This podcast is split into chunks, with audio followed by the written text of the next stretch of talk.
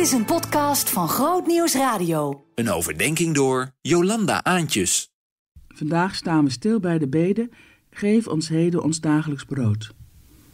In de vorige overdenking had ik het over: Geef ons een manna-mentaliteit. Naar aanleiding van het voedsel dat de Israëlieten kregen in de woestijn na hun vertrek uit Egypte. Durf iedere dag opnieuw te vertrouwen op God. Dan is er genoeg om te ontvangen, voor iedere dag. Het gaat om een economie die onze noden vervult en niet al onze verlangens. De eerlijkheid is dat in onze samenleving hierin veel scheef gaat en wereldwijd veel scheef gaat. Er zijn mensen die de noden om rond te kunnen komen niet vervuld krijgen. En dat geeft uitsluiting voor gezinnen. Jij hoort er niet bij. En er zijn mensen die door de overvloed van gekkigheid niet meer weten wat met het geld te moeten doen.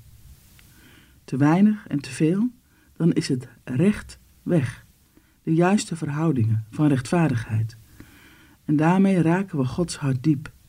Want de aarde biedt genoeg. Maar we gaan er als mensen zo vreselijk onrechtvaardig mee om. Deze kant klinkt dus door in het gebed. Bid om genoeg voeding voor je lichaam en bid om genoeg voeding voor je ziel. Om te kunnen leven als mens in Gods koninkrijk. En dat is een eenheid, lichaam en ziel, alles doet ertoe. Je hele lijf, ziel, geest, dat. Heb jij ook een manna-mentaliteit voor je ziel, voor het geestelijke? Van Jezus lezen we dat hij zich vaak terugtrok in de stilte en tijd nam voor een ontmoeting met zijn hemelse Vader. Hij leefde in Gods nabijheid.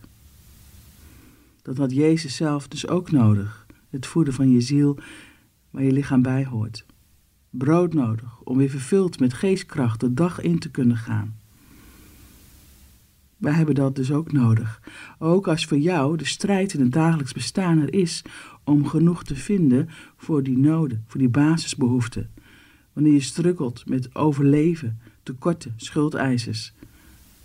Neem mensen in vertrouwen over je situatie, dat je die last niet helemaal alleen draagt. En zoek hulp. En breng ook die nood bij God. Geef Heer toch vandaag genoeg aan geestkracht, aan daadkracht, aan levenskracht. Ik hoorde eens een interview met Mepo Tutu, dochter van Desmond Tutu. Hij werd gevraagd om haar vader te typeren. En ze antwoordde: Mijn vader was een man van gebed, dat bepaalde zijn dagritme en levensritme. En mijn vader was een man van liefde, hij hield van God en zijn gezin. Tutu had in zijn leven ervaren dat hij dagelijks naar God moest met het gebed: Geef me vandaag genoeg voor vandaag en dat deed hij meerdere keren per dag, voor elke situatie. Geef me genoeg aan liefde, aan kracht, aan voedsel voor mijn lichaam en ziel. Geef me vertrouwen op u. Ik wens het je toe vandaag. En morgen. En overmorgen. En, nou ja, een manna-mentaliteit. Want, zoals Corrie Boom eens zei, door je zorgen te maken verdwijnen de problemen van morgen niet. Maar wel verdwijnt de kracht voor vandaag.